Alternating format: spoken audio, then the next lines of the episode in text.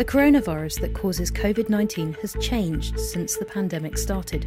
So, does this mean the virus has become more dangerous? Det muterar hela tiden. Det finns inte en dottervirus som är lik sin mamma. Några är dödligare och drabbar fler. Och de som behöver intensivvård är yngre än förut. Fortfarande upptäcks nya, mer smittsamma varianter av coronaviruset som forskarna trodde var stabilt. There's inevitably concern about whether vaccines will still work. På en kvart får du koll på virusmutationerna och hur de påverkar smittan.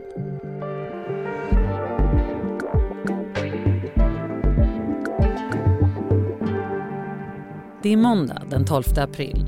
Jag heter Annie Reuterskiöld. Det här är dagens story från Svenska Dagbladet. Per Kudo är nyhetsreporter på Svenskan och har följt coronapandemins utveckling noggrant.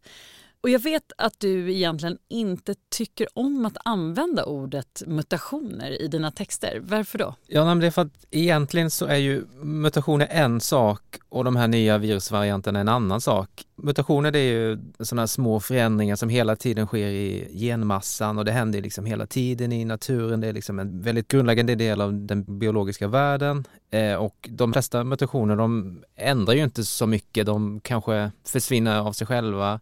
Men i det här fallet då så pratar vi om ja, de här nya virusvarianterna som då i sin tur består av ett visst antal mutationer som har gjort att de har på något sätt ändrat karaktär eller ändrat deras möjlighet att eh, infektera våra celler till exempel. Precis, att, eh, när man säger mutationer då tänker i alla fall jag på eh, att det är som en stor förändring av viruset men det är egentligen flera små eh, förändringar som leder till en stor förändring. Precis, så skulle man kunna säga. En variant som vi kommer att prata om är den här brittiska då och den brukar man säga att den har 23 mutationer mutationer, alltså då, ja, små förändringar i den här genmassan jämfört med då det ursprungliga viruset. Och eh, vissa av de här mutationerna är då lite mer allvarliga för då påverkar de det här så kallade spikproteinet på viruset. Det är då en av sakerna som man misstänker då gör att det blir, det blir mer smittsamt, det har lättare för att eh, infektera våra celler. Och det är de här piggarna om man, om man tänker på den här virusbollen som vi alla har sett till leda nu. Men spikproteinet är alltså de piggarna som sticker ut från den. Ja, precis. Eh, de här lite. röda prickarna som sticker ut och det är det som är den liksom oroväckande grejen med viruset. Det är de här piggarna som då används för att ta sig in i och infektera våra celler. Så att om det sker förändringar på de här spikproteinen då, då ses det som potentiellt ganska så allvarligt. Man har ju talat om, eh, senast jag såg eh, någonting i nyheterna och så var det någonting om en dubbel mutation i Indien och sådär. Eh, alltså det finns ju liksom en, en oro kopplad också till det här ordet mutation. Det låter nästan som någonting från en sci-fi skräckfilm. Hur påverkar det tror du, att, att man rädslan för det här, att viruset förändras? Det låter ju lite läskigt det här med mutationer och om man liksom kollar i kvällstidningar eh, liksom sedan ett år tillbaka under pandemin så har det då och då dykt upp sådana här eh, artiklar med liksom rubriker om nya dödliga mutationen. Men som sagt i de flesta fallen så är det ju inga förändringar på själva liksom viruset och hur det uppför sig. Och liksom att det ska ske mutationer det är ju liksom superväntat.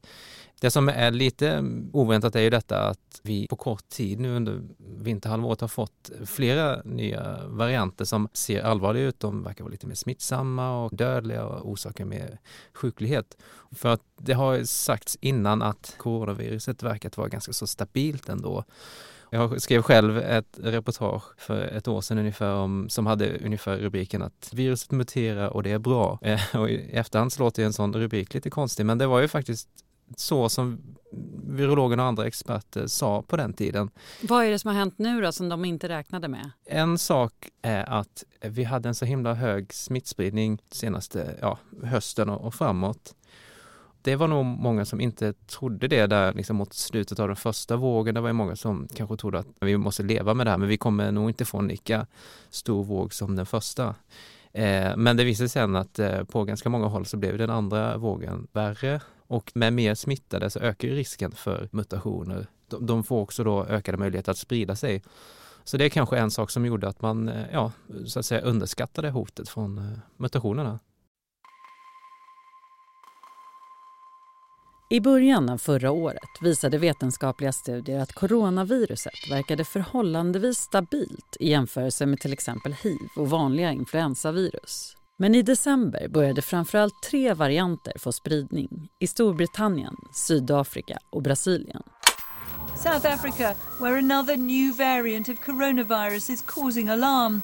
Scientists say initial evidence suggests it's more infectious than other versions of the virus. I januari i år upptäcktes det första fallet av den brittiska varianten i Skåne och nu dominerar den smittspridningen i hela Sverige. Trycket på sjukvården ökar och i över hälften av regionerna i Sverige är nu den brittiska mutationen av coronaviruset dominerande. Det vi kan se är att det förefaller vara kortare ledtider från första symptom till man kommer in på intensivvården.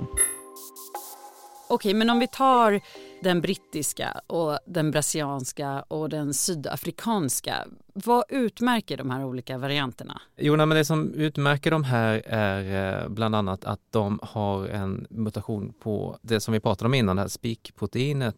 Det är, liksom, det är ganska komplicerade saker, man vet inte exakt, men en teori är att liksom, de här spikproteinen blir lite mer stabila eh, genom den här mutationen. Så det eh, gör ju dem oroväckande då.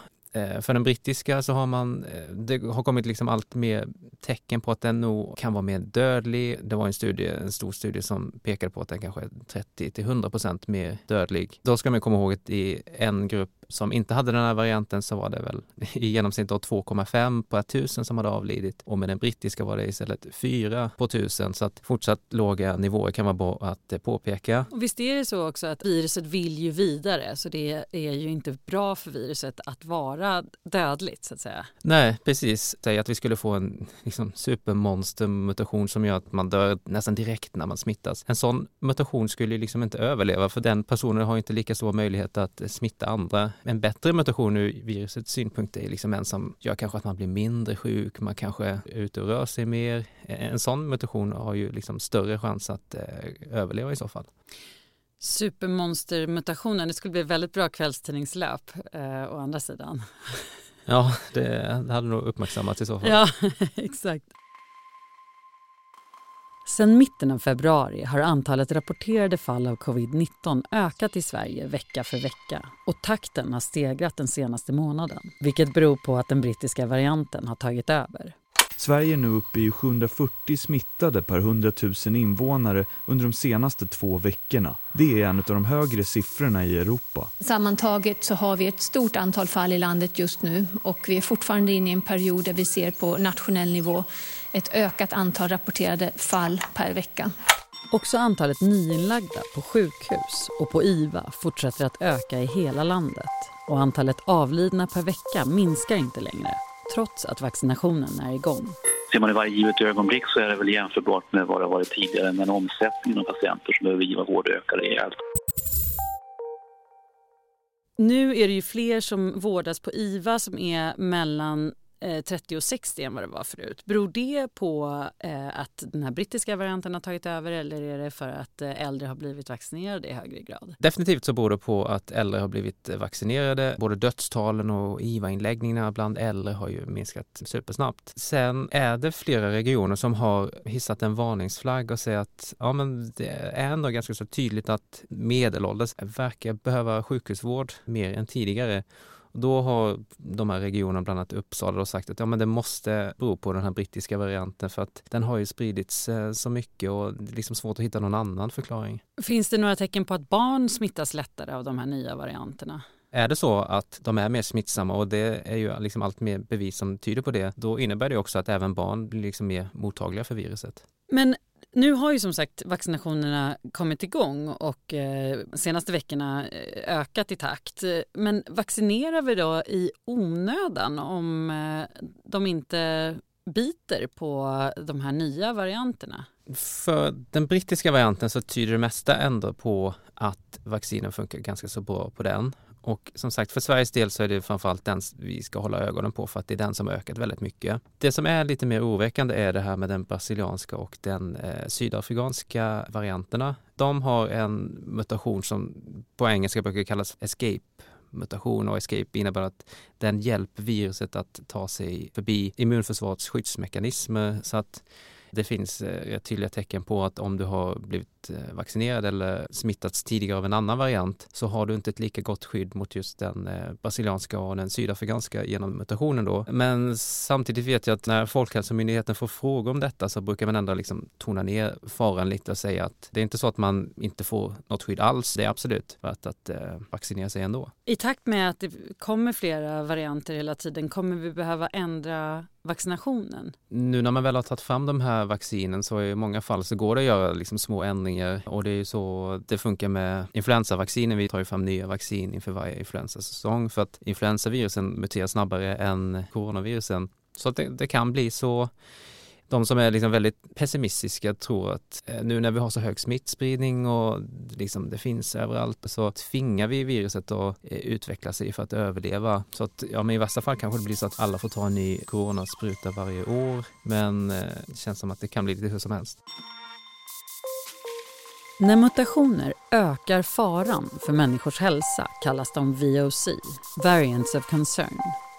Den brittiska varianten har nu upptäckts i 60 länder men ytterligare två väcker oro hos den brittiska hälsomyndigheten. Dels den så kallade Bristol-varianten och en andra brasiliansk mutation. Six cases of the new Brazilian variant of coronavirus have been detected in the UK for the first time. It can spread more quickly than the original version. There are worries about people getting reinfected. And then there's the question of how it could affect vaccines. Den sydafrikanska varianten har spridit sig till runt åtta länder i dagsläget, varav Sverige är ett. Även om förekomsten här fortfarande är låg. Om vi tar senaste utvecklingen då. I, I, Dalarna ser vi en, en, eh, stor ökning inlagda på IVA och även i Uppsala har det ju rusat som du nämnde.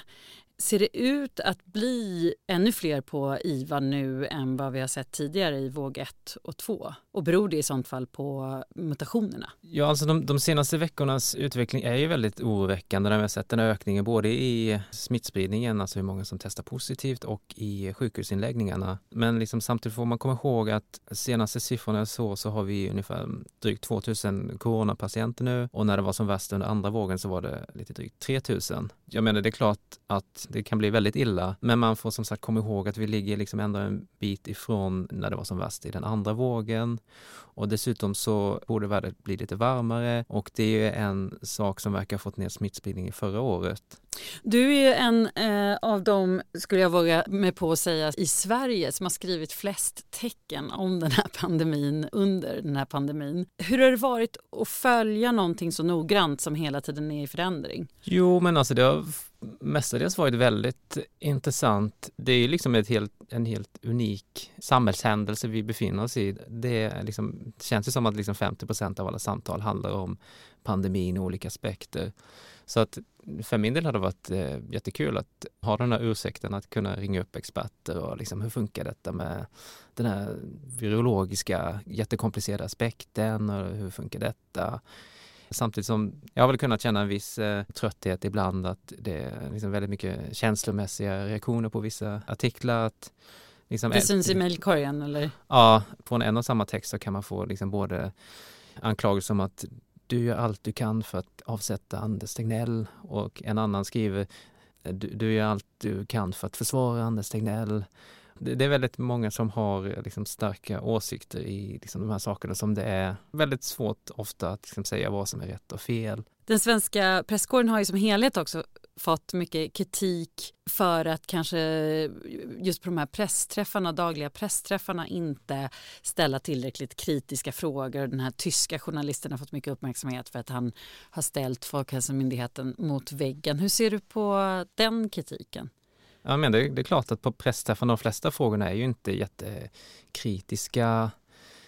Samtidigt så, jag menar eh, till exempel en fråga som den svenska strategin, den har ju, det har ju ställts väldigt många frågor om den. Det, det är inte jättegivande att liksom ställa eh, frågor om det varje pressträff, liksom att eh, ha den svenska strategin varit lyckad. Det är liksom jätte invecklad eh, fråga. Men ja, jag vet inte, alltså det, är en, det är en intressant och väldigt relevant fråga hur liksom, media har eh, eh, hanterat pandemin och liksom, jag hoppas verkligen att det blir någon ordentlig genomskådning av detta för att ja, men jag, jag tycker personligen det är svårt att säga liksom om vi har varit tillräckligt kritiska eller inte. Ja, det kanske får avgöras i efterhand när, när det nu blir. Det beror kanske på antalet mutationer också.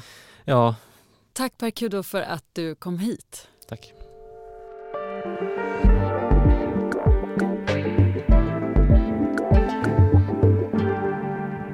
Per Kudo fortsätter att bevaka pandemins utveckling. Läs mer om det senaste på svd.se och i tidningen. Och vi som gjorde programmet idag är producent Siri Hill, redaktör Maria Gelmini och jag heter Annie Reuterskiöld. Du har lyssnat på Dagens Story, 15 minuter varje vardag. Ljudklippen i avsnittet kommer från BBC, SVT och Sveriges Radio.